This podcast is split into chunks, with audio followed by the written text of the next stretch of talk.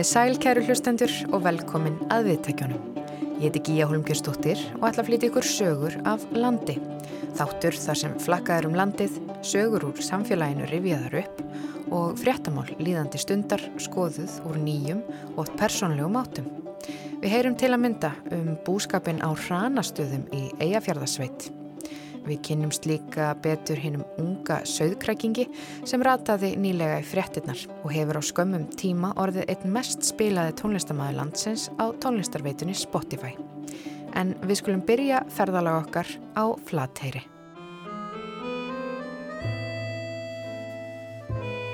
Fyrir tæpu ári síðan, aðfara nótt 15. janúar 2020, bárust landsmönnum fréttir að því að snjóflóð hefði fallið á Flateyri.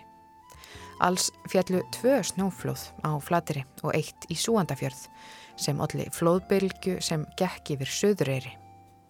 Einn stúlka lendi í flóðinu á Flateri en hún fannst sem betur fer fljótlega og heil á húfi. Mikið tjón varð vegna skemda og þá sérstaklega á höfninni þar sem sex bátar sukku og í nýleiri skýrslu sem kynnt var hafnastjórn Ísafjörðabæjar í vikunni kemur fram að heildar tjónið er á annað hundrað miljónir.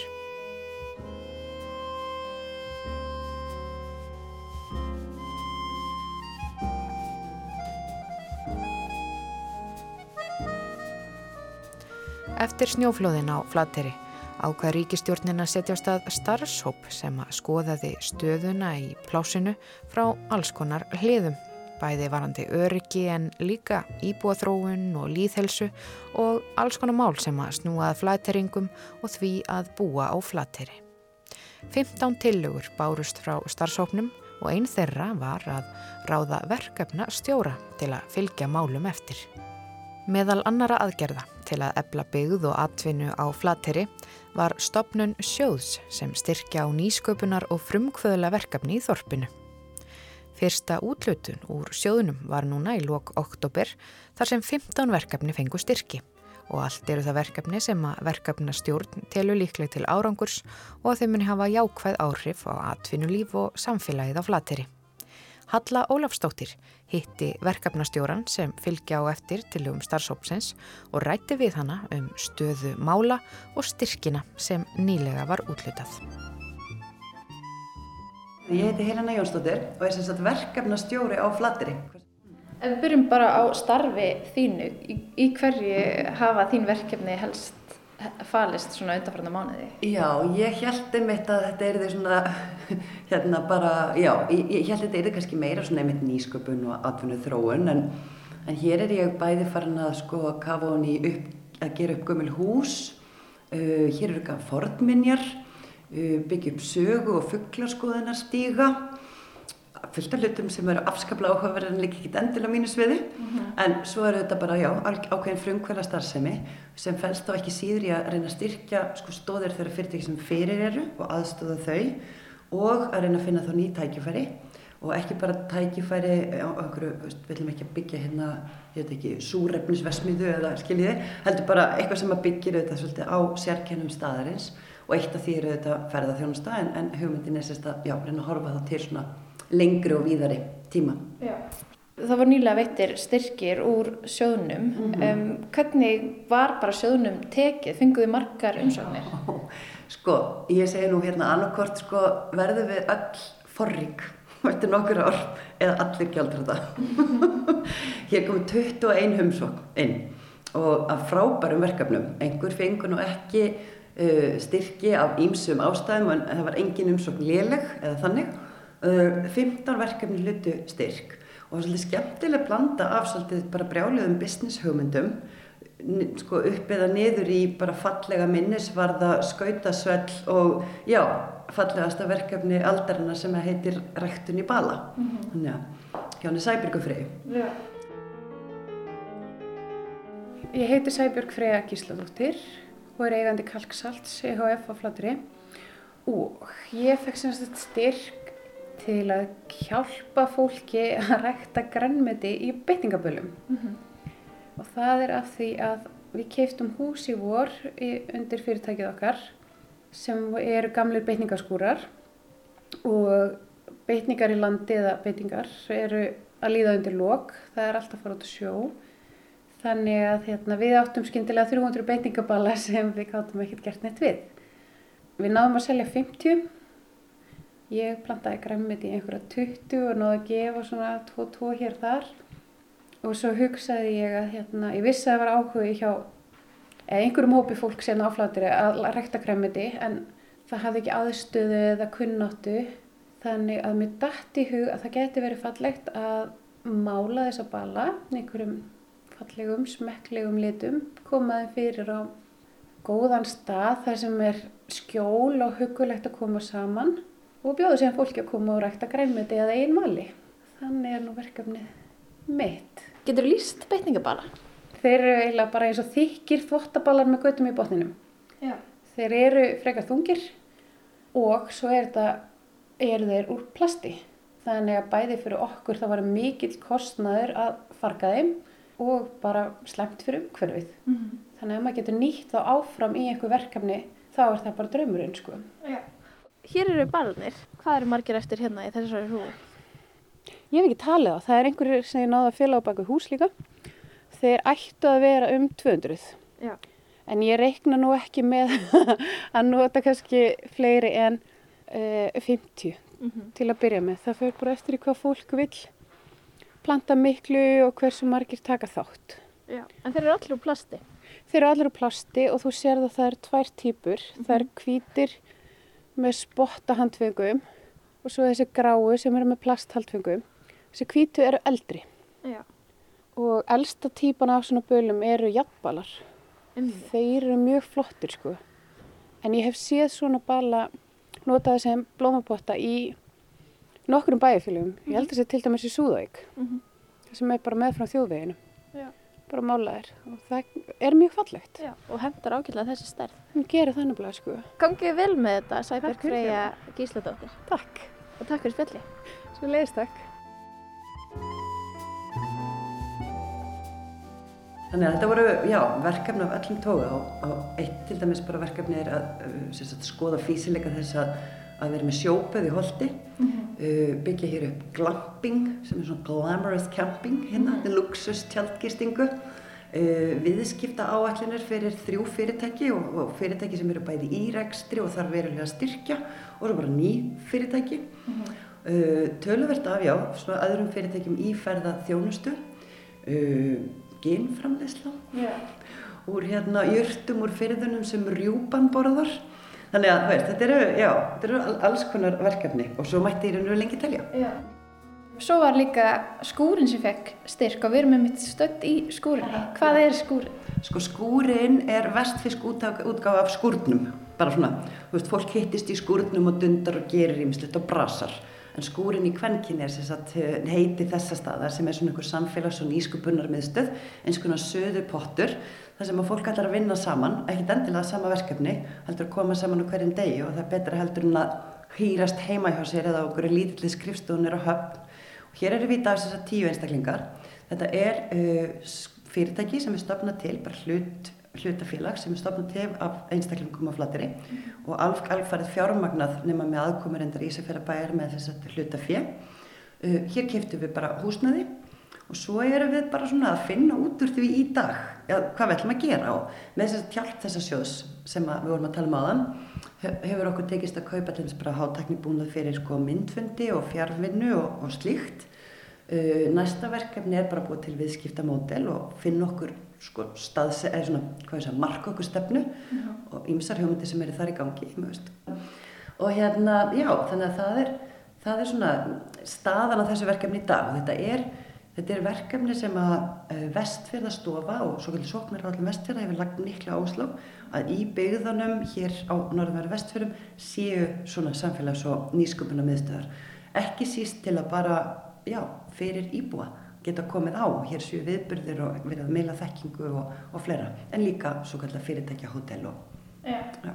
En hverjir eru hérna í dag? Hverjir nýta skúruna? Já, sko, hér eru þrý starfsmenn Lýskólans, hér eru framkvæmdastjóri Lánasjó Sveitafélag aðsöndu þegar hann er á staðnum og ég sem, sem verkefnastjóri, uh, við leiðum svona fast húsnaði, uh, svo erum við með átta borð svona, sem, sem eru bara í opnu rými og þar eru þegar þrýr búin að koma sér fyrir bara í fastri vinnu og ætla að vera hér, bæði fyrst, fólk sem er í fjárvinnu þá en býr á flatteri og svo eru tveir, þrýr sem er svona koma þetta inn, eru kannski einn og einn dag. Og svo ætlum við bara að laða til okkar fólk sem að hérna, já, eins og bara vinnum minn ringdi mynda eins og hvernig get ég búið á flatteri mm -hmm. með að vinna í skúrinni, leiða þér pláss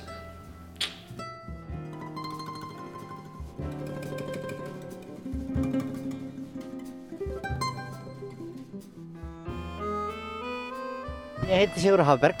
Já, þú fikk styrk núna nýlega og ert nú að vinna í því að fá fleiri styrki. Segjum aðeins frá verkefninu sem þú ert með í kortónum þínum. Jú, við erum hérna nokkur í þessum hópi, Sköndarsvell og við fengum styrk úr hérna þróunarsjóði Flandirar og við ætlum sagt að steipa hérna 2012 metra braut og við ætlum að leggja lagnir undir þannig að verði að velfrista og síðan verður e, þarna rétt hjá svona eldstæði það er hugsað fyrir skóla kannski líka og, og aðra bara alla sem vilja nota það.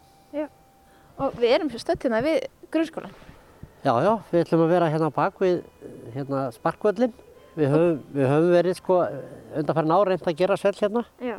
Tóst mjög vel í hitti fyrra. Síður í, í fyrra það var ekki eins mikið frost. En hvernig hafið þið verið að gera þau svell? Já, við hefum bara fengið hérna uh, slöngu í bruna hana og, og spröyta svoleiðis. Já. En núna verðum við með lagnir úr skólanum og stúta, þannig að við getum úðað betur og svoleiðis, þannig að þetta verður allt miklu þægilega. Já, og hvað sér þið þá fyrir þér að, að svona skautsvöld geti verið opið mikið? Já, ég hugsa að verði nú bara svona bláveturinn sko, kannski Já. frá desember og, og fram í april, eitthvað svoleiðis. Þegar ykkur hefur tekist að, að vera með svelli hérna við skólan þá, þá hefur það verið mjög vinsæl. Já, já, krakkarnir eru mjög duglegir og fljótir að læra já. og við erum búin að koma okkur upp ágættis skautasafni, við eigum ykkur 30 bör og erum enn að safna. Hvaðan koma þessi skautar? Þau hafa komið hérðan og þaðan, sko, aðalega, frá Akureyri. Já, þannig að það kannski ekki margir grunnskólar á landinu sem að, að eiga jafnmörg skautapör. Ég veit svo sem ekkert um það, ég hefast um það. og, já, já, það var mikill áhugið þegar þetta var og, og ég á vona því að það verði líka. Mm -hmm. Það fólk komið hér úr nágranna byðum og þetta getur stutt við gistingu og aðra annað veitingastæði og annað hérna líka. Já. Það er engin önnur skautasvell á vestfyrir með það? Ekki, ekki nema bara eitthvað svona náttúrulega sem verða til bara sansvili fross og vass. Já, um veit. Hvað þurfið þið til að geta hrind þessu í framkvæmt? Við þurfum náttúrulega fjármagn mm -hmm. og það bara fer nokkuð vel á stað. Við erum komið með fleiri styrk en þetta, ég ætla kannski ekki að tala um það uppátt og við erum að sækja um í aðra sjóði. Já, en hvað heldur þið þurfið mikið? Ég gæti trúa að svona heldar kostnæru verði nála 6 miljónum með öllu, með eldstæðinu og, og fristigræjanum og öllu saman. Já. Og eru þið þá að horfa á næsta vitur? Já, allavega, allavega skautasvettinu, uh, steipa og gera lagnir og allt það. Uh, við munum leggja undir uh, rör til að geta frist, Já. en hvort að fristingin verður komin upp fyrir næsta vitur, það þór ég ekki að lofa sko. Nei. En ef að vel gengur á fjárnum þá gerist það. Frábært, gangið er vel og takk fyrir spjallið Sigurður Hafberg. Takk sömulegis. Hver voru skilirðin fyrir því að, að fá styrk? Sko, það er sem sagt í fyrst og fremst þurfti það að, að vera í svona anda nýsköpunar og samfélagsmála. Þannig að, að svona uh, annarkvært að vísa til einhverja uppbyggingar og samfélagsþróunar, eitthvað sem auka lífskeiði bara flattringa mm -hmm. eða þá einhver nýsköpunar og atvinnu þróar, þróunar uh, verkefni sem að væri þá til þess fallin að auka fjölbreytni atvinnulífsins eða styrkja stöður undir það. Þannig að nummer 1, 2 og 3. Uh, auðvitað verkefni verður að vera trúveðug. Það er að segja að það verður að vera trú á því að þau geti orðið að því er ekki að byggja upp 300 miljón krónar hugmyndi við eigum eina mm -hmm. þannig að fólk þurfti að sína fram á það geti fjármagnaverkefni uh, það þarf að vera verkefnastjóri á bakveða sem hefur trúverðileika og hérna, já, svo er þetta, þetta bara fyrir, svona, svona sem falla að samfélaginu Þannig, ja. mm. Og voru þetta flateringar sem voru að fá styrkin eða? Já, já, já veist, og hérna, sko, það verður alltaf ábyrrandir á flateri kannski út af líðskólanum og fleiri málum undanferðin ár svona þess að við kallum fjárbúa En jújú, jú, þeir voru öruglega þrýr sem fengu af þessum 15 en restin eru bara flateringar sem að hér, hérna lifa og búa alla daga og hamast og eru staðrannar í því þetta að láta áfællist á þetta snjóflóð og, og kannski, já, harðan vetur í fyrra ekki á sig fá og já, ætla hér að vera og vilja gerðnan byggja upp gott samfélag og, og fjölbreytt aðbrunlíf. Ja. Hvað voru þetta háir styrkir sem, sem þessi verkefni voru að fá og eru þeir nógu háir til þess að, að það verði eitthvað úr verkefni? Sko, þetta er aldrei þannig. Við, þegar fólk er að sækja um styrki, þá er aldrei, við veitum það ekkert eitt verkefni fær 30 miljónir.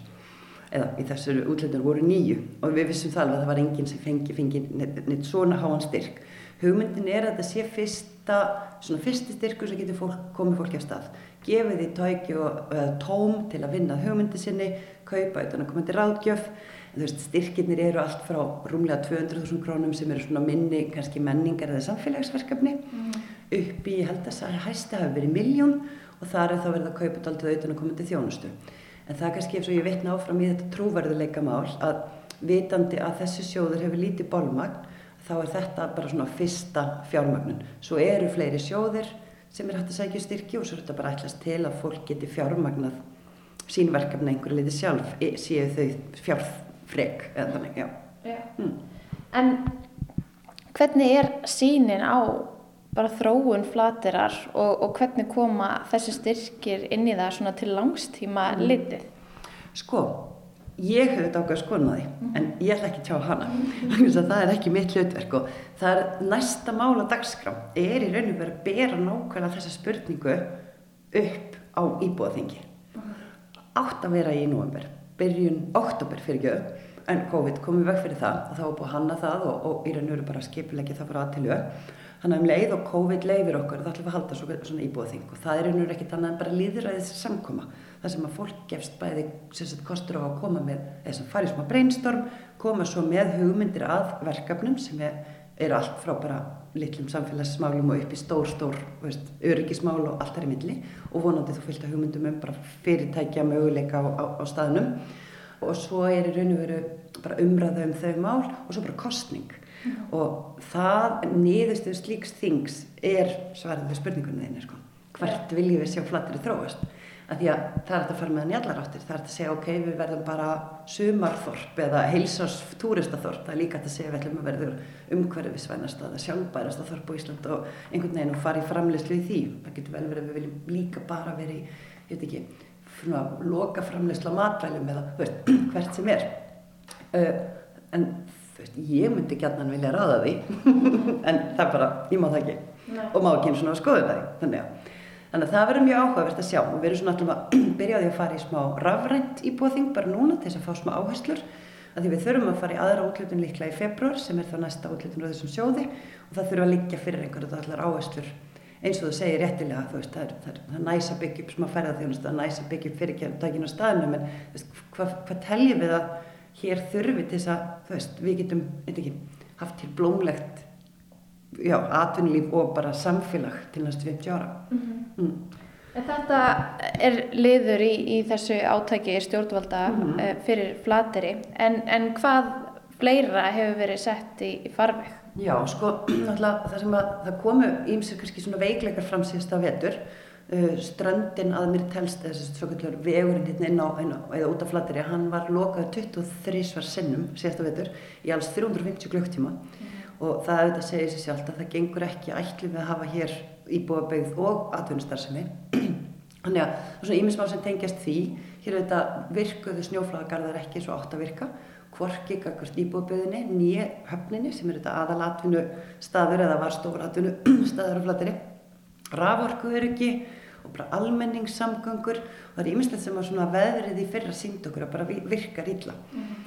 Uh, heilbreyðistjónusta, það kom upp svo staða að það voru bara ekki til lækningsgögn, uh, það kom upp stað, svo staða líka bara í, eftir snjóflóð að sérst, höfnin og allir bátar voru farnir, um, vegurinn lokaður, við lokuð inni og á sama tíma vektist hér fólk skindilega og sem betur fer þá gætt þyrlan komið en það gætt hún ekki allan tíman því það var bara vonsku veður. Þannig að þannig að verða að skoða sko, er hægt að hafa björgunabátt staðsettuna flateri Uh, það er verið þá rýmismál sem var það líðskólan sem voru til skoðunar í þessum tillögum. Uh, vinnu sagt, eða atvinnumál eða atvinnuleysi. Og það er gaman frá því að segja að það var held ég minnir að það hafi verið 28 manns af 200 íbúin, atvinnuleysir eftir flóð.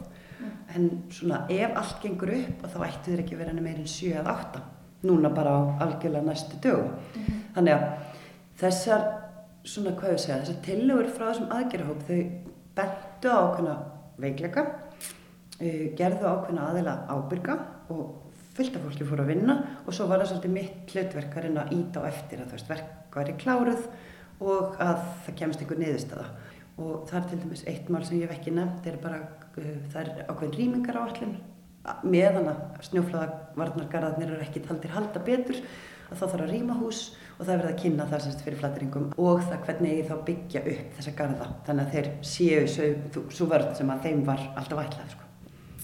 Ég veit þú mátt ekki segja mikið persónulega en, en þú hlýtur samt að mig að segja bara svona aðeins sem hvernig, hvað draum átt þú um, um flatteri? Sko, flatteri er, það er eitthvað á flatteri í dag. Og það er ekki bara við sem segjum það heldur þú veist, ég heiti mann hérna í sumar. Ég, hann keirði, ég sá hann keira út strandina skransa inn á flatteri doppa fyrir þetta húsum mitt og svo bara hvað er í gangi hérna? það er eitthvað. Ok, það er kannski meira líka eitthvað svona ímynd. En þú veist, það er einhver ímynd hérna. Og hvernig sem við nýtum hana þá myndi ég vilja byggja á henni. Það þarf ekki endilega að vera sem ferðamanna alls ekki, en það er einhver kraftur, það er einhver ímynd það er sko kannski eftir þau áfællum á dunnið yfir og, og bara svona líka bara almenna fólks fækkun á vestfjörðum allt þetta, þá er hér fólk sem er bara svolítið staðræði að vera hérna. Og bara svo ég monti mig aðeins af flatteri, ekki mig, bara monti okkur af flatteri að mér telst til að, að eins og staðinu núna þá eru tólf fyrverandi líðskólanemundur eða einstaklingar tengtir þeim, sérst börn eða makar sem eru búsett af flatteri í dag sem er ekki lengur í skólanum mm. og svona, já, hér kom einn drengur um daginn sem að hérna hafði búið í bænum í, já, hann var á fyrsta árinu, hann er búin að vera í bænum í eitt og halvt ár og hann svo, ég vil bara koma heim. Þannig að hvað, hvernig sem við byggjum á því, þá finnst mér að það sé daldi málið. Takk fyrir spjalli, Helena. Takk sem ég leðis. Halla Ólarsdóttir rætti þarna við verkefnastjóran Helenu Jónsdóttur á Flateyri. Í einslæginu var einni rætt við Sæbjörgu Freyju Gísladóttur og Sigurð Jóð Hafberg. En næst er ferð okkar heitið í Skagafjörðin.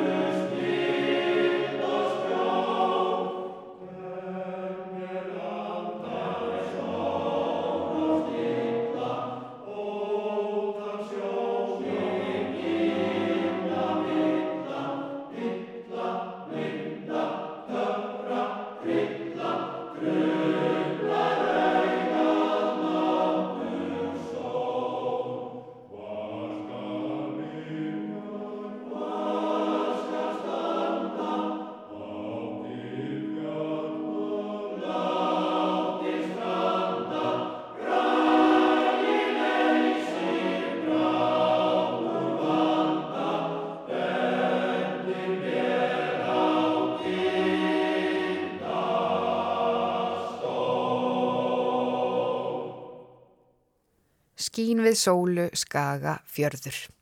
Þarna heyrðum við Karlakorinn heimi flytja lægið Skaga fjörður en lægið er eftir Sigurð Helgason. Ljóðið orti Mattias Jokkumsson en í vikunni, þann 18. november 2020, voru 100 ár liðin frá andláti Mattiasar. Á vefsíðu byggðasapp skafyrðinga er fjallaðum tilurð ljóðsins. Þar segir að ljóðið orti Mattias þegar hann var nýlega fluttur frá Otta og Rángarvöllum til Akureyrar og orti hann þá voldugan óð um Skagafjörð.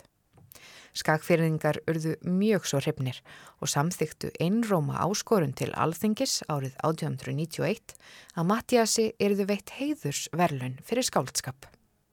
Það fór svo að Mattias fekk þúsund krónur fyrir sem var mikið fjö á þeim tíma og mun það hafa verið fyrstu verðlaun sem þjóðin veitti viðurkjöndum höfuð snillingi fyrir afreg í bókmyndum.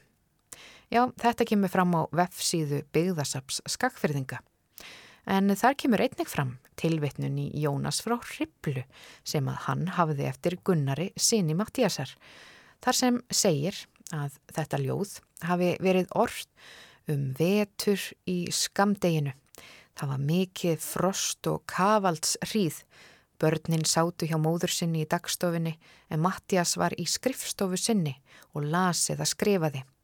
Frúin bar á borð kvöldverð en sá að maður hennar myndi ekki óska eftir að hætta verki fyrir honum þætti sjálfum tími til komin. Kvöldverði var lokið. Eftir góða stund kemur skáldið fram til konu og barna, gladur í bragði, heitur og hýr á sveip. Þá las hann skín við sólu skaga fjörður fyrir vandamönnum sínum.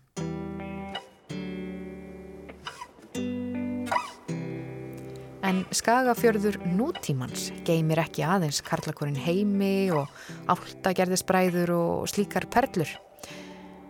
Í fréttum í vikunni var fjallað um ungan söðkræking sem á skömmum tíma hefur orðið einn mest spilaði tónlistamæðu landsins á streymisveitinu Spotify. Óðinn Svan Óðinsson hitti þennan unga tónlistamann á heimili hans á söðakróki. Já, um, ég heiti Ásgeir Ég er búinn að búa inn á Söðurkróki bara allt mitt líf. Þetta byrjaði bara þegar ég var mjög ungur. Ég hef alltaf haft gaman að tónlist og, og ég byrjaði bara mjög ungur að, að spila á píano. Lærði þannig svona, þú veist, bara hvernig hljómar virka og melodýr og, og svoleiðið sko.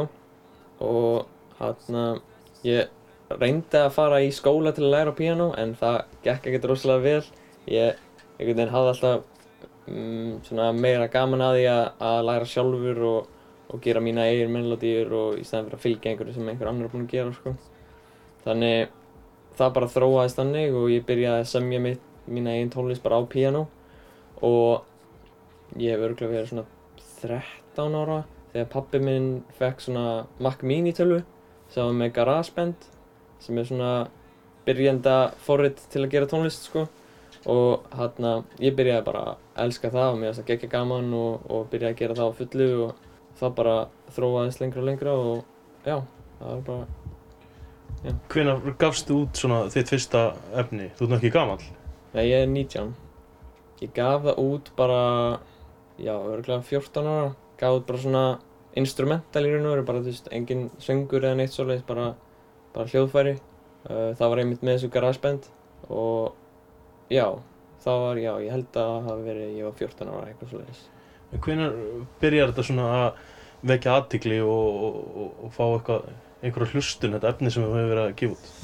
Um, það gerðist bara mjög hægt og rólega, sko. Um, það voru, það komu svona einstaklega sinnum einhver stökk, sko. Eitthvað sérstaklega lag sem ég gaf út var, þú veist, fekk kannski 100.000 um, hlustanir á YouTube eða eitthvað svolítið og svo byrjaði rosalega mikið þegar hérna lægið mitt Lovemark fór rosalega mikið í spilun. Ég veit ekki alveg hvernig það gerist en það bara allt í einu fyrir svona ári eitthvað svoleiðis byrjaði að þú veist ég var lengur búinn að gefa það út og síðan bara allt í einu byrjaði að, að vera meira og meira að spila sko. Um, og svo um áramótin seinast uh, gaf ég út lag sem heitir Dead Eyes sem er núna komið í held í 36 miljón á Spotify Já. 36 miljón spilanir, er það er ekkert skrítið að hérna, sitja hérna í, í kjallara á, á Söðakróki og, og það eru 36 miljónir búin að hlusta hvað lag sem að gera? Jú, það er pínur skrítið, en ekkert rosalega út því að þetta búið að gera svo hægt og rólega og ég er bara svona venst í alltaf jafn óðum einhvern veginn, en mér finnst það samt alveg mjög cool sko. Hvað ertu með margar spilanir á, á, á Spotify? Um, veit ekki nákvæmlega, kannski svona 50 miljón uh, streymi. Ég er sérst með eitthvað eitthva rétt yfir eina miljón mánæðilega hlustendur. Um, en já, ég held, ég held að það sé eitthvað kring 50 miljónar á Spotify. Og ert að fara að, fara að fá einhverjar tekjur þessu? Já, alveg nóg sko. Alveg meir maður heldur. Hvað færðu fyrir miljón spilanir á mánuði? Uh, ég veit ekki alveg nákvæmlega en það er ekkert að reikna þetta út þetta er einhver 0,012 dólarar eða eitthvað á, á fyrir sérst eitt streymi eitthvað svo leiðis eitthvað 0, eitthvað manna ekki alveg nákvæmlega Ertu þá atvinnumæður í, í tónlist? já, þetta er bara búið að vera að vinna mín í, í meir en tvö ár Að, að, hérna, og þú semur þetta allt hér? já Hvernig tónlist er þetta sem þú ert að gera? Um, þetta er mjög mikil blanda sko, ég flakka mjög mikið á milli.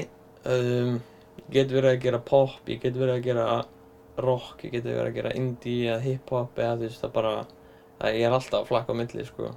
Ég ger einhvern veginn bara tónlistina sem ég langar að gera akkurat hér og nú skilur ég er að geta að reyna að festa mig í einhverju sérstöku sem sagt, genre Ertu að semja eitthvað fyrir aðra? Er þetta allt, þú flýtur þetta allt sjálfur? já, ég er allt að syngja þetta allt sjálfur og, og flytt allt sjálfur sko Það er einhverjar fylgjaðar eða ekki á, á, á Spotify? Jú, ég er hérna með, ég er alveg með 60.000 uh, followers á Spotify. Og, og þetta, þessi tala hérna 1,2 miljónir, það eru mánægileg hlustur. Já, það er sérst bara uh, einstaklingar sem hafa hlustað á mig um, í þessu mánuði. Hvernig er þetta samanborið við aðra íslenska tónlistamenn? Hefur eitthvað skoðað það? Uh, ég það kom út einhver, ég man eftir, ég sá einhvern tíman einhvern svona lista. Ég var eitthvað aðeins undir Ásgeir Trausta. Ég held ég var nummer 7 eða eitthvað svoleiðis á Íslandi, sem er mjög cool sko. En uh, hvert stefniru með þetta? Um, mér langar rosalega mikið að, túra í bandaríkunum en það er náttúrulega, er ekki hægt að gera það núna en vonandi er það, það er allavega planið sko fyrir framtíðina en ég svo sem veit ekki meira, ég er bara að gera þetta út af, ég elska að gera tónlist og, og þetta er vinna mín og, og þú veist, ég er í raun og verið ekkert með neitt sérstaklega plan sko, bara skemmta mér. Hefur verið að koma eitthvað fram uh, svona live? Ég er búinn að koma hérna nokkur sinnum á Söðukrúki um, og einu sinni á Akureyri en, en ekkert eitthvað rosalega stórt sko, bara svona smá. Hvað segja hérna jafnaldreinir um það að þú sett með yfir miljón hlustendur á laugiðin á mánuði? Uh, þeir eru bara stoltir af mig held ég sko, vonandi. En fóreldreinir? Mjög stolt, já. Þeir eru, já, styðja þetta algjörlega sko. Myndur þú segja að þú væri ríkur þessu? Já, alveg ágætlega sko. Ég var náttúrulega að skrifa undir plötusamning. Það er náttúrulega alveg hellingspinningur í því sko. Þetta er þessi plötufyrirtæki sem er í bandaríkjunum og það sést bara, ég veit ekki hvernig ég á að útskýra, það gerir rosalega mikið sko. Það er alveg með marga svona um, hlekki einhvern veginn í sér. Um, þeir auglýsa tónlistina mína, þeir fjármagna tónlistamindbönd og til dæmis ef ég væri að fara að spila live eða eitthvað svoleiðis, myndu fjármagna það. Um, þeir hjálpa mér að fá, ef mér vantar einhvern til að vinna með, þá hjálpa þeir mér að, að ná sambandi við fólk. Um, þeir hjálpa mér svona að gera meira plan í hvenar ég gef út tónlist og svoleiðis, bara til þess að lögin muni fá meiri spilun og svoleiðis. Já, það er aðalega bara, aðalega bara það sko. Gerir þú langan samning? Uh, samningurinn er í þrjú ár. Og myndu gefa út einhverjar plötur eða er þetta, er þetta kannski orðið þannig að þú bara gefur allt út á Spotify? Um, ég gæti alveg, sko við erum bara ekki alveg búin að hugsa það, en það gæti alveg komið að. Ég myndi gefa út þess bara vínilplötur líka og, og, og kannski CD-diska og svoleiðis. En hvað með að vinna með öðrum tónlistamennum? Er það ekkert eitthvað sem að heilar þig að að gera lög með öðrum þekktum tónlistamennum? Jú, mér finnst það alveg frekar skemmtilegt sko. Um, gerði enna íslensk lag með Auð. Um, síðan er ég búinn að vera að vinna með hérna Pófu sem er bara risastór í dag. Hann er held ég bara með held ég, hvað var, 15 miljónir, eða 15 miljón svona monthly listeners á, á Spotify. Og þú veist, vinstælasta lagi hann sem er yfir halva biljón plays sem bara klikkað sko og hann, ég er búinn að vera að vinna með hann fullt. Uh, en já, mér finnst mjög skemmtilegt að vinna með öðrum sko. Og hvert stefnir þessu? Uh, það er, er nú er ekkert sérstætt plan sko. Ég bara held að fórum að gera tónlist og, og já. Með við heyra eitthvað, tóndami? Já, sjá, sín ykkur hérna bara.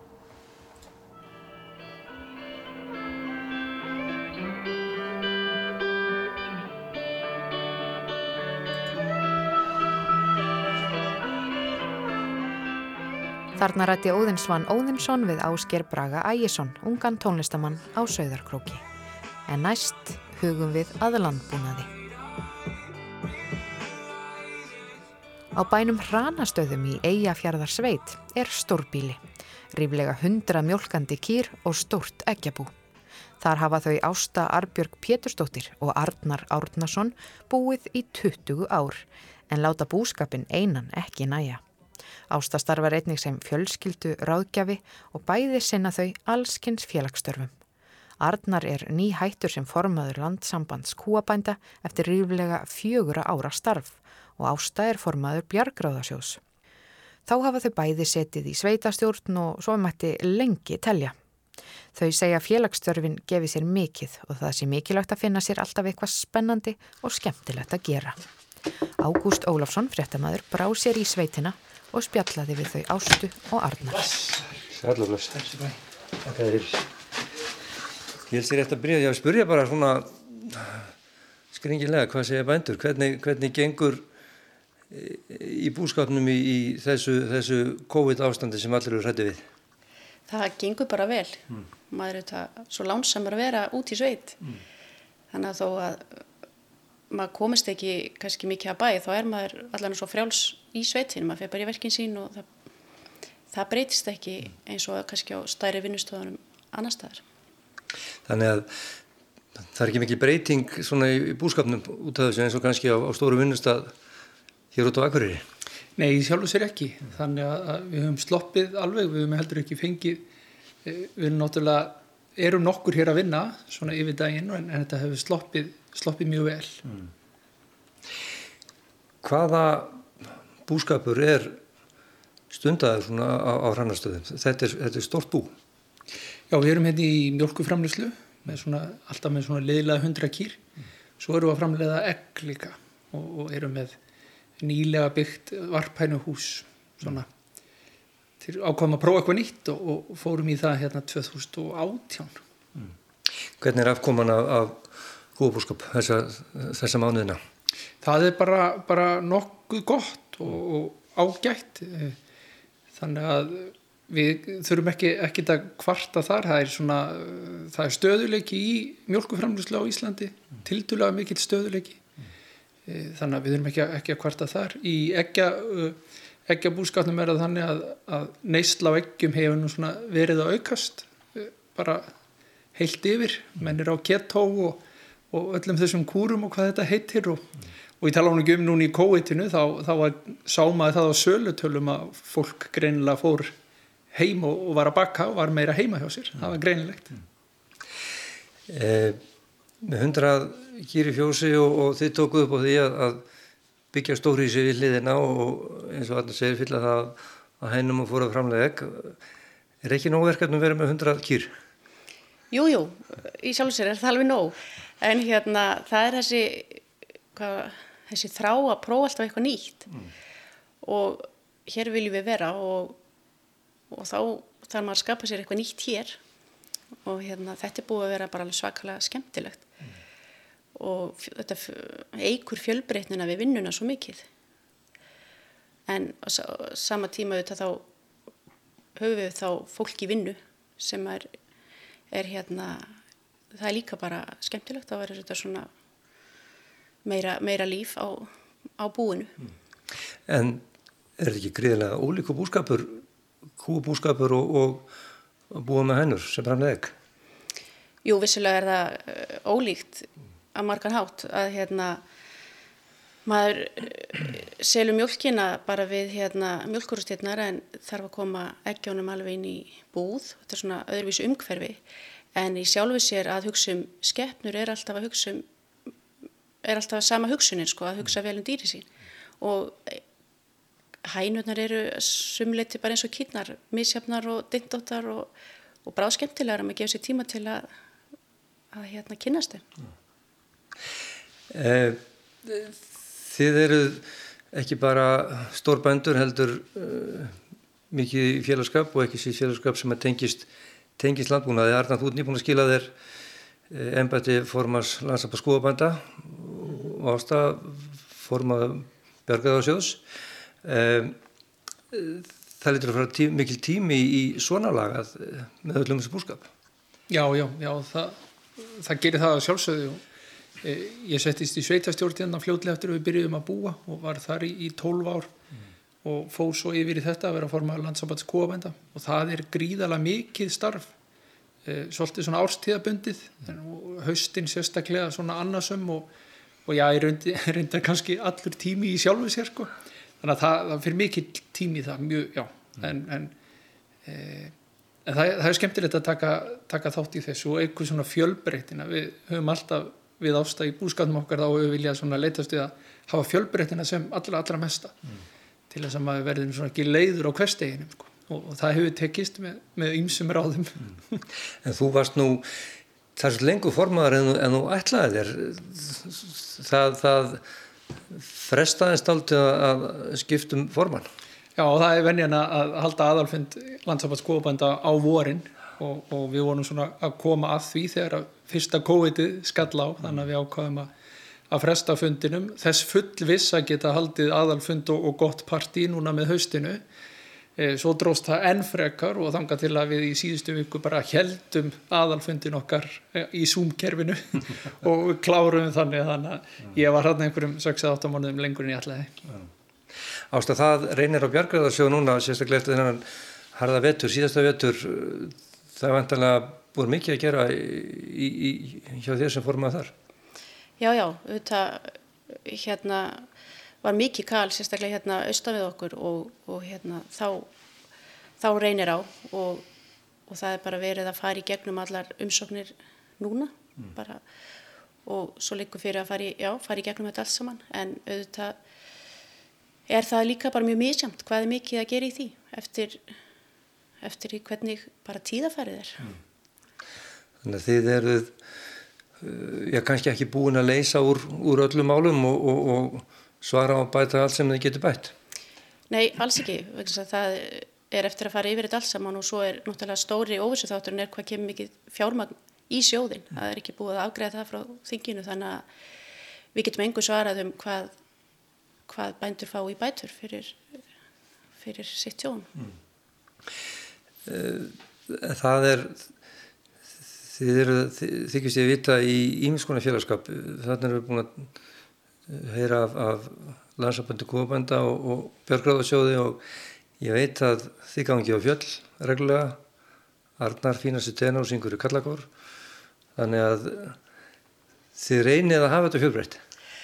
Já, og, og það er bara þegar maður hefur svo áhuga á svona mörgu þá getur þá hérna það krefst bara skipulags mm. að hérna og leifa sér að taka stáfið ný verkefni og, og hérna prófa sem flest mm.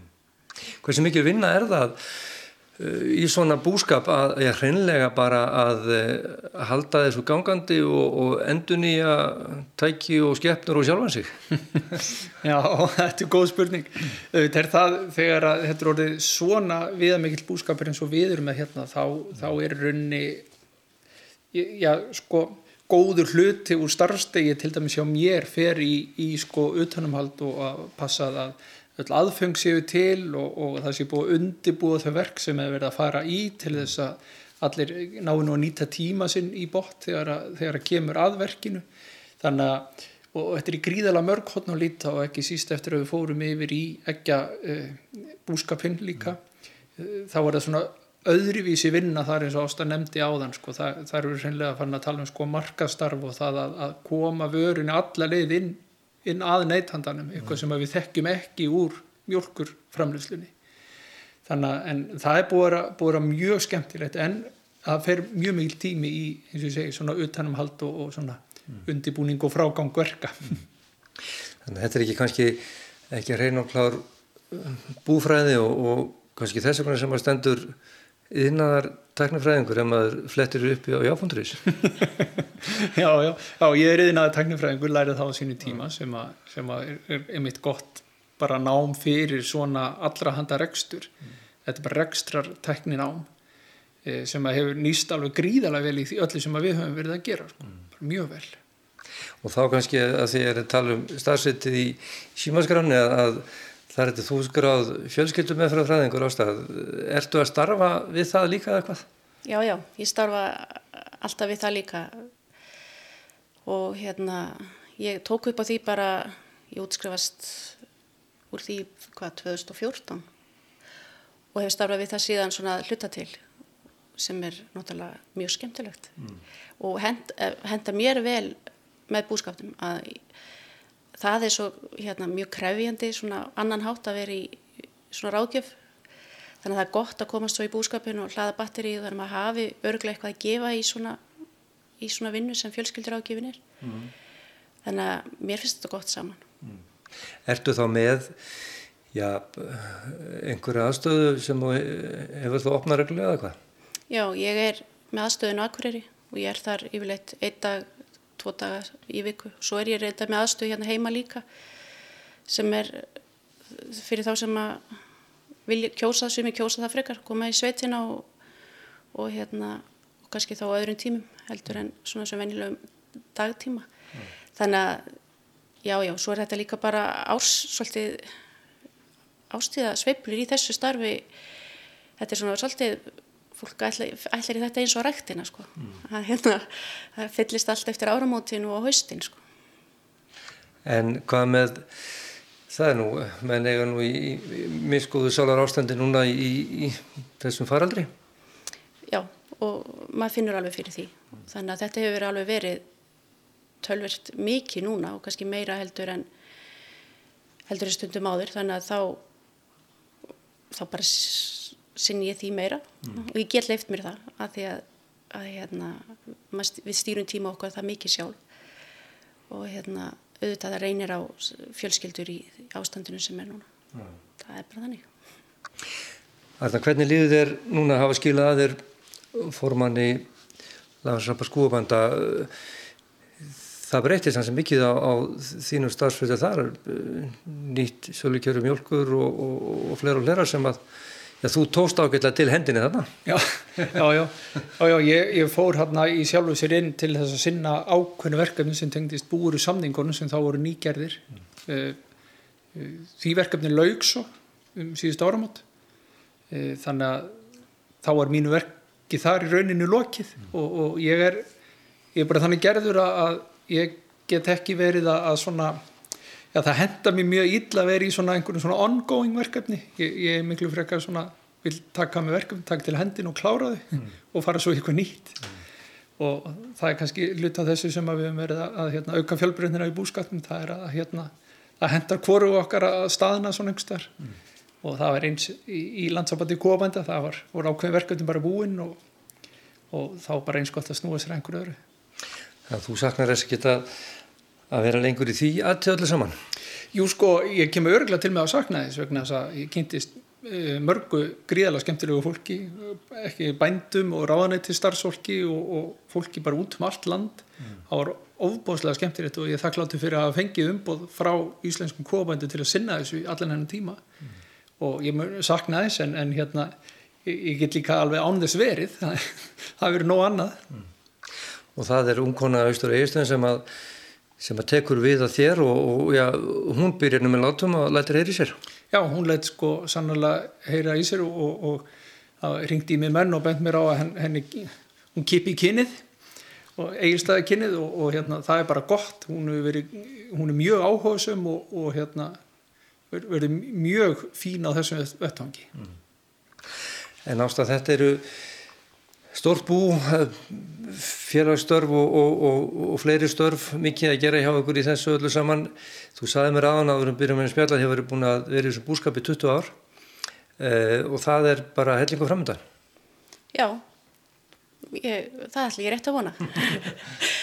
Já og hérna við finnum okkur, eða sko, við að sjálfsögðu höfum nóg að gera og hérna og finnum alltaf leiði til að hafa þetta spennandi og skemmtilegt. Mm þannig að það er nóg, nóg framöndan hvað nákvæmlega við tökum okkur dettur í hug næst veit ég ekki. Og það verður bara komið ljós en ég er alveg vissum að okkur dettur eitthvað í hug. Til að prófa eitthvað prófa eitthvað og hérna stíða enn og aftur út fyrir þægendaramann mm. því að það er það sem gefur lífunni gildi. Mm. Það er bara það og hérna það er aðvenda framöndan og, og þeir eru búin að skreita hér húsinn og allt með, með finnir í hljósum og, og og fallegt hér út að sjá í sveitina og, og bara takk kærlega fyrir þetta spjall og, og ég heyri það að eins og þú segir ástað það er, það er mikið framöndan og, og mátt að gerast. Já, það er margt að gerast og þetta, ég held að ég held að 21 verði mikið skemmtilega árin en 20 Já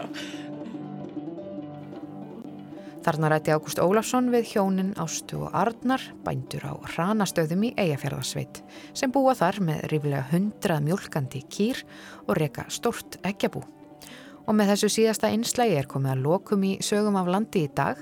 Tæknimaður í þessum þætti var Úlfildur Eistensdóttir. Við þökkum þeim sem hlýtu. Livið heil!